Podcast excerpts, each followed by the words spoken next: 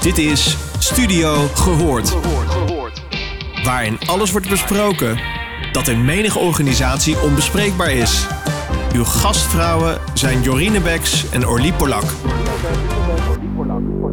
Welkom uh, luisteraars, het is weer uh, tijd voor een mooie podcast. Jorine en uh, ik zitten in de studio met Inge Nuiten. Zij heeft een doctoraal gehaald over dienend leiderschap. Zij inspireert ambitieuze leiders om bewuster te leiden, waardoor ze met meer energie en minder tijd hun eigen leven en dat van hun medewerkers leuker kunnen maken. Vanuit het Instituut for Servant Leadership en Redpoint Company geeft ze advies, training en coaching op het gebied van dienend leiderschap, vitaliteit en prestatiepsychologie. Ze is gepromoveerd, wat ik al net noemde, in dienend leiderschap en schreef hier de bestseller Echte Leiders Dienen voor.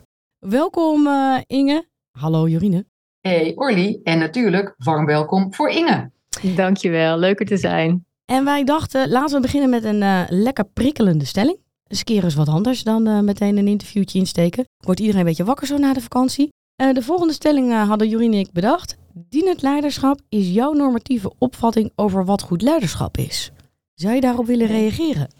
Het ligt eraan wat je bedoelt met mijn normatieve opvatting. Want dat, dat denk ik van, hé, hey, wat, wat bedoel je daar precies mee? Maar er zijn nou ja, heel veel grote managementdenkers die hier al jaren mee bezig zijn. Die zeggen van nou, dienend leiderschap is gewoon de enige echte vorm van leiderschap. Want leiden doe je eigenlijk alleen maar, of niet eigenlijk, dat doe je gewoon voor de mensen aan wie je leiding geeft, die de diensten en producten creëren, waar de mensen weer blij van worden die ze afnemen. En ik ben echt bij toeval gevraagd uiteindelijk om te solliciteren op verschillende functies bij de Erasmus Universiteit. In het onderzoek van dienend leiderschap terechtgekomen. Ja, en toen al die leiderschapstijlen met elkaar gaan vergelijken, ontdekt dat dienend leiderschap geen stijl is, maar een manier van zijn. Echt een grondhouding waarbij je leert om alert ontspannen aanwezig te zijn, zodat je in kan spelen op wat zich aandient en dus niet vanuit je eigen pijnstukken, vanuit je ego, ja, met andere mensen in interactie bent, maar vanuit rust en openheid, nieuwsgierigheid. En dat je daarmee dus in theorie vrijwel alle vormen van leiderschap tot een succes kunt maken. Ja, en sinds ik dat een beetje ben gaan begrijpen, en dat is overigens al vele jaren nadat ik daarop gepromoveerd ben, want toen begreep ik het alleen nog maar theoretisch, dacht ik van wauw, dit is inderdaad wel echt een hele gave vorm van leiderschap, manier van zijn, waarbij je dus zelfs als je directief moet zijn, dat het door mensen nog geaccepteerd wordt, omdat je dus niet vanuit, ja, je moet doen wat ik zeg, omdat ik ik ben. Nee, ik neem deze beslissing omdat het in ons aller belang is. En dat mensen dan ook voelen dat dat zo is. Dat dat niet een trucje is, maar echt gewoon oprecht en kloppend. Als dat dan normatief is, ja, dan, uh, dan absoluut. Maar dat uh, rijst natuurlijk meteen de vraag, maar wat is dan dienend leiderschap? Hè? En hoe anders is dat dan het leiderschap wat we hebben gezien in de jaren 80 en 70? Kun je daar iets over vertellen? Ja, zover uh, ga ik nog niet terug, maar Dienend leiderschap betekent bijdragen aan de groei en ontwikkeling van de mensen om je heen. Vanuit je eigen groei en ontwikkeling. En in de jaren 70 en 80 weet ik wel dat er best wel wat bedrijven waren die op deze uh, leest hun leiderschap vormgaven. Maar ook heel veel leiders die onbewust leiding gaven. En onbewust wilden zeggen, nou, je komt in een leiderschapspositie en dan denk je, nou, nu krijg ik meer salaris, nu moeten mensen naar mij gaan luisteren, nu mag ik het bepalen. En bij een dienend leider die denkt van, oh, nu krijg ik deze verantwoordelijkheid. Ik ben dus nu verantwoordelijk voor al deze mensen. Ik moet zorgen dat ik goed naar ze luister, dat ik heldere doelen met ze stel. Echt kijken, wat helpt ons nu daadwerkelijk om de mooiste diensten en producten te leveren. En ik weet dat de, de, de focus voor, voor een aantal organisaties is geweest op heel andere. Dus alleen maar uh, geld verdienen en niet kijken van uh, hoe gaat het dan met mijn mensen en hoe gaat het met de mensen die de producten afnemen. Maar er zijn ook organisaties die gelukkig door al de jaren heen wel ook die focus hebben gehad. Maar als je dan bijvoorbeeld kijkt naar de publieke sector, daar hebben we natuurlijk heel veel gedoe over gehad. Ik weet toevallig dat zij heel erg in nieuw public management uh, worden getraind. Uh, dat is een filosofie over leiderschap die je heel erg bij uh, bestuurskunde en bedrijfskunde ziet. zeker de wat oudere boeken, zeg maar. En daar wordt echt gestuurd op doelen. Nou, met het gevolg bijvoorbeeld dat je de schandalen van de Belastingdienst hebt. En UWV heeft nu in één een campagne van kunnen we klantcentraal gaan bedrijfsvoeren. En daarom gaf ik net ook al een beetje aan van joh, hoe, hoe verhoudt dit zo nou tot die oude ideeën? Hè? Want in mijn ogen klinkt het ook vrij nieuw. Zeker als je kijkt naar de, de oude boeken die ik helaas voor bestuurskunde dan moest lezen. Nou, Jorien heeft het ook gestudeerd. Die kent die boeken ook. Hoe, hoe is dat zo gekomen? Hoe is die, die, die paradigma shift gekomen van dat we dachten van dat we alleen maar op doelen konden sturen? Hè? Dus uh, uh, ga maar zoveel blikjes uh, produceren of ga maar zoveel uitkeringen uitdelen of ga maar zoveel cookies maken. Dat we zeggen, joh, we moeten op een andere manier naar onze organisatie kijken, naar onze mensen kijken, naar onze diensten kijken. Wat heb jij gevonden in jouw data en in jouw dagelijkse praktijk? In de dagelijkse praktijk zie ik dat mensen dus veel onbewust doelen aan het stellen zijn. Doelen stellen is nog steeds ontzettend belangrijk. Alleen, wat voor doelen stel je? En hoe, dat wordt normatief, hoe normatief leg je ze op aan je mensen? Dus ik ben ook bij bepaalde verzekeringsbedrijven bijvoorbeeld geweest. Daar hadden ze het doel dat mensen in een bepaalde tijd geholpen moesten worden als ze contact hadden met de klantenservice. Maar ja, is iemand dan geholpen? Nou, dan heb je dus een verkeerd doel gesteld. Dat zeg ik ook in mijn boek. Ja, zorg nou dat je uitkomstdoelen hebt. Dat mensen echt weten wat tracht je te realiseren door bijvoorbeeld het contact met de klant? En niet alleen je moet twintig klanten in een uur helpen, bij wijze van spreken, maar wat betekent het dan dat die klant goed geholpen is? Dus ik denk dat veel doelen die in het verleden gesteld zijn, heel erg uit gemak. Weet je, het is makkelijker om te zeggen van nou, uh, een politieagent moet 100 bonnen uitschrijven, dan dat je zegt van nou, je moet zorgen dat Nederland veilig is. Dat is een heel andere manier van denken en van kijken. En dat vraagt ook veel meer dat iemand die het werk doet zelf gaat nadenken. En nou ja, hoe ga ik mijn werk goed invullen? Dus dat vraagt meer van mensen. Dus ik denk vooral uit gemak. En tegenwoordig mensen hebben zoveel meer informatie dan 10, 20 jaar geleden. De sky lijkt de limit. Dus ik denk dat dat een van de belangrijke factoren ook is. Dat mensen steeds meer gaan zien van ja, maar het gaat alleen niet alleen maar dat ik van 9 tot 5 werk en een bepaald salaris krijg. Maar ik wil ook nog op een bepaalde manier een, een zinvol of een goed leven hebben. Geld, geldt dit voor, uh, voor alle mensen, alle medewerkers? Die zingeving wat je aangaf, hè? want uh, outputdoelen, is ook lekker concreet, hè? Uh, het is ook te tellen. het is ook erg dat je denkt, nou dan hoef ik ook verder zelf niet. Dat je zei dat mensen moeten ook een eigen verantwoordelijkheid pakken. wil iedereen dat en kan iedereen dat? Nee, dat is echt heel erg afhankelijk van ja, hoe iemand in elkaar zit, wat iemand gewend is. Dus iedereen is wat dat betreft anders wat dienend leiderschap dan zegt. Een dienend leider is dusdanig afgestemd op de mensen. Als mensen gewoon behoefte hebben aan eenvoud. En je hoort ze dat ook zeggen in, in een functioneringsgesprek of überhaupt in een gesprek. Van joh, geef mij gewoon dat ik inderdaad twintig mensen op een dag uh, of, of, of, of, of duizend blikjes moet maken. Dan weet ik waar ik aan toe ben. Weet je, dan ga je met elkaar in overleg. Oké, dat is wat dan voor die persoon het beste werkt om zijn werk met plezier te doen en om zijn werk goed te kunnen doen. Dus het gaat om die afstemming. Maar als bedrijf denk ik wel ook dat je moet kijken, hey, past iemand binnen het bedrijf. Dus als ik iemand in mijn bedrijf heb die zegt, ja, maar ik wil alleen maar bepaald aantal uh, mailtjes inderdaad versturen op een dag. Dan zeg ik, ja, maar ik wil dat die klant zich echt gezien, gehoord en begrepen voelt en helemaal goed geholpen wordt. Dat is een andere manier van werken. Dus dan passen wij niet goed bij elkaar. Moeten ook misschien niet meer samen willen werken. Nou, dan, dat is dan ook de conclusie.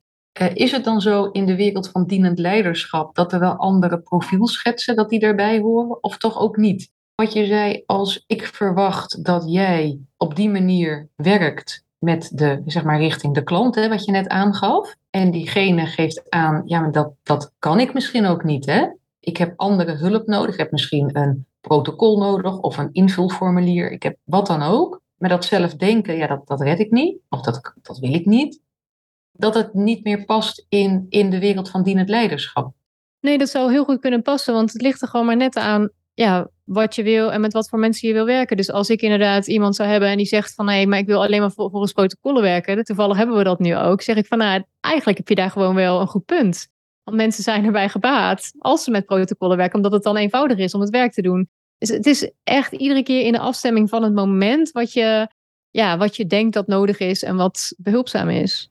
Je schetst wel een moeilijk probleem. Want aan de ene kant komen we van eigenlijk een, strakke organisatie, een andere bedrijfsfilosofieën. Waarin we zeggen we gaan alles protocoleren, we gaan regels maken. En uiteindelijk vertalen we het naar jou toe in KPI's. En dienend leiderschap zegt van joh, we gaan niet KPI zeggen, we gaan niet zeggen je moet 20 mailtjes sturen, zoals bijvoorbeeld bij uh, publieke uh, dienstverlener van je moet gewoon zoveel uh, aanvragen afhandelen binnen zoveel tijd en zoveel minuten aan besteden. Nee, we willen kijken dat jij de klant bedient zodat hij tevreden is. Dus een hele andere vraag. En inderdaad heb je daar andere profielen bij nodig.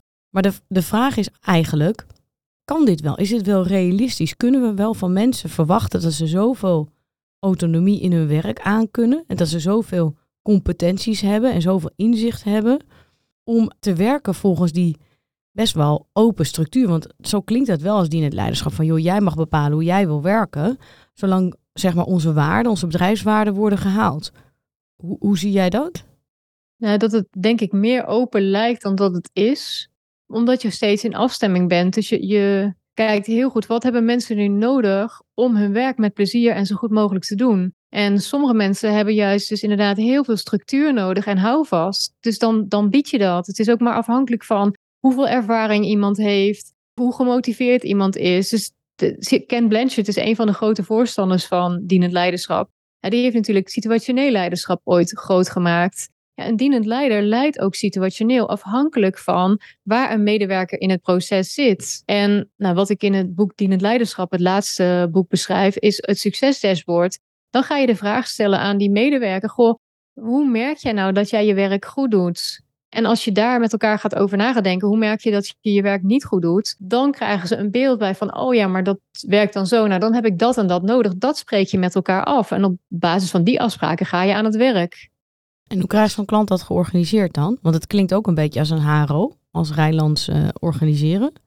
Mm Worden zij niet heel angstig van deze manier? Want het lijkt een beetje een soort tailor-made. Weet je, de ene medewerker wil dit, de andere medewerker wil dat.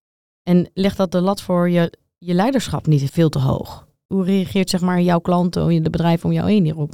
Ja, iedereen gaat stap voor stap daarmee aan de slag. Dus het is niet dat je in één keer van het ene op het andere moment iets heel anders gaat doen dan dat je altijd al deed. Je gaat kijken van, hé, hey, wat werkt voor mij? Je krijgt simpele tools aangereikt om met je mensen in gesprek te gaan, om veel beter te luisteren. Wat hoor ik de mensen nu zeggen? Zodat je daar ook adequaat op in kunt spelen. En het zijn vooral ook finesse dingen, dat je denkt van hé, hey, maar daar loopt het altijd niet lekker.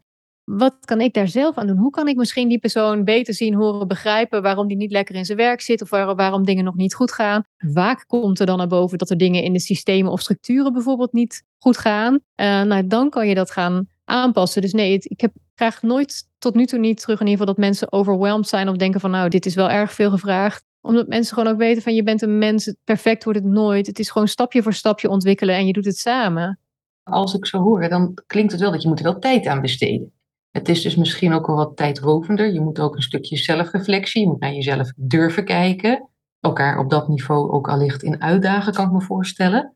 Wat levert het nou concreet op? Want ik begrijp dat het leuker wordt hè? en gezelliger misschien wel en plezieriger en misschien wel meer werkgeluk. Maar als ik, uh, weet ik wat, raad van bestuur zit, waarom zou ik in vredesnaam investeren in al die tijdsbesteding aan die mensen? Wat heb ik er dan onder de streep? Ja, nou, minder verzuim, minder sabotage. Dat mensen echt gaan samenwerken. Ik heb dus veel organisaties waar ze nog nooit naar elkaar geluisterd hebben, waar ze in één keer naar elkaar gaan luisteren, waardoor de werkprocessen gewoon veel soepeler gaan lopen het besef überhaupt dat je elkaar eigenlijk tot op heden nooit hoorde. Totdat je dan met dienend leiderschap aan de slag gaat en denkt, oeh ja, ik viel altijd over jou heen. Of ik begon al te praten voordat jij. Uh, dus daarom heb ik je eigenlijk nooit gehoord. Nou, dat zijn uh, waarachtige ontdekkingen over het algemeen. Waardoor er in één keer heel veel fouten ook bijvoorbeeld uh, niet meer gemaakt worden. Omdat mensen elkaar weer gaan vinden. Verwijten niet meer gemaakt worden. Waardoor er ook niet onnodig verzuim is van allerlei conflicten die er niet zouden zijn als mensen elkaar echt zouden zien en zouden horen. Dus het levert een heleboel op. En wat ik hoor van de individuele mensen zelf,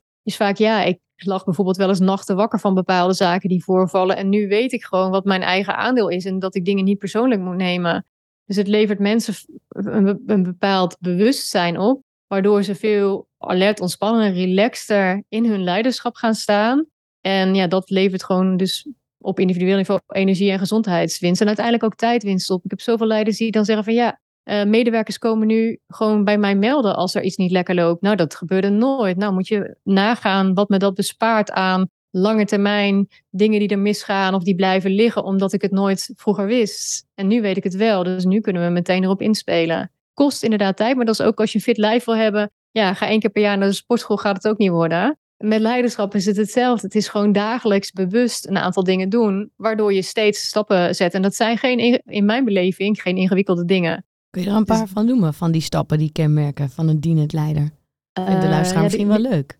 De acht kenmerken die uh, ooit jaren geleden uit mijn onderzoek zijn gekomen, kan ik noemen. Maar misschien wat nog veel waardevoller is, uh, zijn dingen die vooral ook Otto Scharmer uit zijn onderzoek heeft gehaald. Dat is de intentie waarmee je aanwezig bent en de aandacht waarmee je aanwezig bent. Dus als je ziet wat het uitmaakt voor leiders. Kijk, jullie hebben nu net allemaal je telefoon uitgezet en jij zette je, je, je ding op focus. Nou, ik heb uh, bij mij, mij zet ook alles uit. Dan heb je helemaal je aandacht bij een gesprek.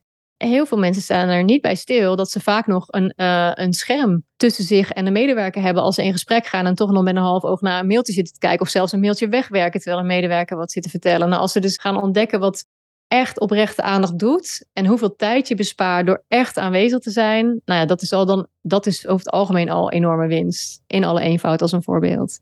En als je die aandacht, hè, hoe combineer je dat? Want uiteindelijk heeft ieder mens is daarin ook weer anders. En, ieder men, en hoe ga je om met die anders zijn van, die, van een medewerker? Ik kan me voorstellen dat dat ook invloed heeft. Het is best wel makkelijker misschien om dienend te zijn aan een medewerker van je denkt, ja, die herken ik. Ten opzichte van een ander van je denkt, jemig, die, die, uh, hoezo? Ja, voor mij is de, de mindset. De mindset is, nou ja, als je dus inderdaad een allergie hebt op mensen of die hebben je dan nog wat te vertellen. Daar heb jij blijkbaar nog iets op te lossen in jouw eigen systeem, wat al heel lang geleden is ontstaan. Dus zie dat gewoon als een kans om te groeien en ontwikkelen. En die het leiderschap gaat gewoon over groei en ontwikkeling. Daar ga jij weer groeien en ontwikkelen. Dus kun je dan toch, Rutger Brechtman heeft het ooit gezegd in zijn boek, de meeste mensen deugen op basis van onderzoek qua fysiologie. 96, 97 procent van de mensen zit ook echt zo in elkaar dat ze positieve stofjes aanmaken als ze elkaar helpen en er voor elkaar zijn. Dus ja, in mijn beleving ook de meeste mensen deugen. Dus kun je dan ook zo'n medewerker, waar je dan misschien wat minder positief gevoel bij hebt, toch benaderen vanuit de optiek van hey, deze persoon komt ook naar het werk om zijn beste beentje voor te zetten. Dat klinkt heel mooi en ook herkenbaar. Als ik kijk naar het thema psychologische veiligheid, dan hoor ik bij mezelf praten. Hè? Denk vanuit de positieve intentie. Uh, denk erbij als je iemand echt denkt, mijn hemel, fantaseer dan, oh, is wel een hele leuke vader of wat dan ook, of moeder, waardoor je toch een andere emotie krijgt. Als jij bezig bent in de praktijk met het creëren van dienend leiderschap binnen organisaties, wat zijn de grootste uitdagingen hierin voor organisaties, ofwel voor individuen? Ja, voor individuen een grote uitdaging is om dingen niet persoonlijk te nemen. Dus uh, er gaat iets mis, er gebeurt iets, een medewerker is ergens niet blij mee, jij zegt iets, pakt niet goed uit je kan daar heel erg over ingezitten, maar je bent een mens, je maakt fouten of andere mensen maken jou verwijten die soms ook helemaal niets met jou te maken hebben. Dus het niet persoonlijk nemen, maar wel 100% verantwoordelijkheid nemen voor je eigen gevoelens, gedachten en gedrag. Dat is een grote uitdaging voor mensen. Maar op het moment dat ze die stap gaan zetten, dan zie je veel ontstaan. En hoe doe je dat dan? Wat zijn nou tips voor de luisteraars als ze denken, maar dit herken ik? Nou ja, als je heel veel persoonlijk neemt, zou ik eens zeggen: ga eens alles wat je op een dag hoort, maar of het nou het nieuws is of de buurvrouw of wie dan ook, ga het eens allemaal persoonlijk nemen. Dus dat het allemaal door jou komt dat dat aan het gebeuren is. En ga dan eens de dag daarna helemaal niets persoonlijk nemen. En ga de hilariteit inzien van wat je al die jaren ja, jezelf wijs hebt gemaakt. En het tweede ding voor mij, wat zo belangrijk is, ga echt beseffen dat als jij boos bent, als jij blij bent, als jij bang bent, bezorgd bent, dat zit in jou. Je kan een ander daar niet de schuld van geven.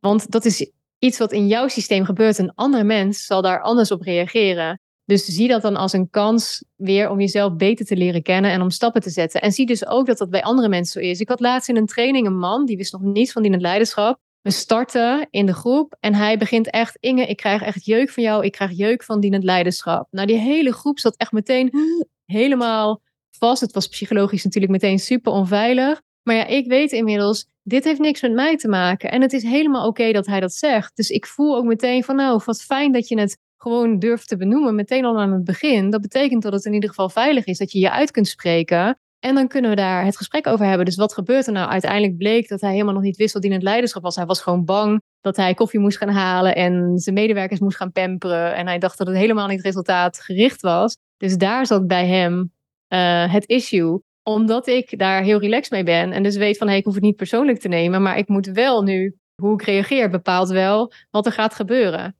Nou ja, dan ga je dus voelen in dat soort situaties dat je heel erg bepalend bent voor ja, hoe dingen zich uit, uh, uitwerken. Weet je wat ik wel lastig vind aan dat dienend leiderschap? Is dat de organisatie vraagt andere dingen van leiders. De organisatie is helemaal niet ingericht op vertrouwen. Dus nou, kan daar waarschijnlijk nog meer over vertellen. Die heeft heel veel klanten in de zorg. Maar we hebben laatst een directeur in de zorg geïnterviewd. Waarin wij best wel gechoqueerd waren over hoe geprotocoleerd haar werk is. Maar dusdanig geprotocoleerd dat er bijna geen creatieve vrijheid is om af te wijken. Dus de manier van diagnose stellen, de behandelplannen, de werkwijze. Alles is in protocollen vastgelegd. En je moet het altijd doen zoals dat is afgesproken. Dat zijn niet eens Nederlandse normen, het zijn soms eens Europese of internationale afspraken. Hoe je dus met een patiënt en een ziekte en een medisch proces omgaat. En de manier waarop jij beschrijft van dienend leiderschap is heel erg op, microniveau. Hè? Dit is mijn persoonlijke relatie als leider met mijn team, met mijn ja, ondergeschikte die ik uh, begeleid. Maar de laag daarboven, de organisatiestructuur, die stuurt op resultaat. En die is helemaal niet op basis van vertrouwen. Dat is die omgeving die, die we net beschreven van die, die ziekenhuizen die geprotocoleerd zijn. Die willen daadwerkelijk lijstjes zien. Die willen verantwoording zien. Die willen rapportages zien. Die willen een nachtrust.